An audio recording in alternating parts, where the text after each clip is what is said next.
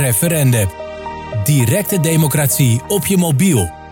Op 2 en 8 februari 2023 debatteerde de Tweede Kamer over de wijziging van de Klimaatwet. Het wetsvoorstel beoogt de Nederlandse Klimaatwet aan te passen om te voldoen aan Europese wetgeving. In de huidige Klimaatwet staat het streefdoel om in 2030 de broeikasemissies met 49% te reduceren. De voorgestelde wijziging verhoogt dit doel naar een reductie van 55% in lijn met Europese normen. Bovendien wordt er gestreefd naar een klimaatneutrale samenleving in 2050. Dat wil zeggen, het terugdringen van de netto-uitstoot met 100%, waar het oorspronkelijke doel een reductie van 95% betrof. Sommigen vonden de nieuwe doelen nog steeds te laag en niet specifiek genoeg. Er werd ook gediscussieerd over de haalbaarheid van de doelen, waarbij sommigen benadrukken dat er nog maar 7 jaar over is om de doelen van 2030 te bereiken. Er werd opgemerkt dat ambitieuze doelen moeten worden gesteld, maar dat deze ook maatschappelijk aanvaardbaar en natuurlijk haalbaar moeten zijn. Een ander belangrijk discussiepunt was de economische impact van de voorgestelde wijziging. Er werd beargumenteerd dat verduurzaming hand in hand kan gaan met economische groei en welvaart. Tegelijkertijd werd er aandacht gevraagd voor energiearmoede, waarbij geopperd werd dat de sterkste schouders de zwaarste lasten zouden moeten dragen. Er waren ook stemmen die kritisch waren over de voorgestelde wijzigingen, waarbij werd beargumenteerd dat de huidige doelen al niet worden gehaald en dat er enorm veel geld in is geïnvesteerd. Tegenstanders stelden voor om de gehele wet te schrappen in plaats van de doelen aan te scherpen. Het wetsvoorstel werd op 14 februari 2023 met 116 voorstemmen aangenomen. En nu is de vraag: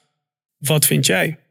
Download nu de app voor iOS en Android. En herwin je waardigheid als burger van een soeverein Nederland. Referendum. Laat je stem gelden. Altijd.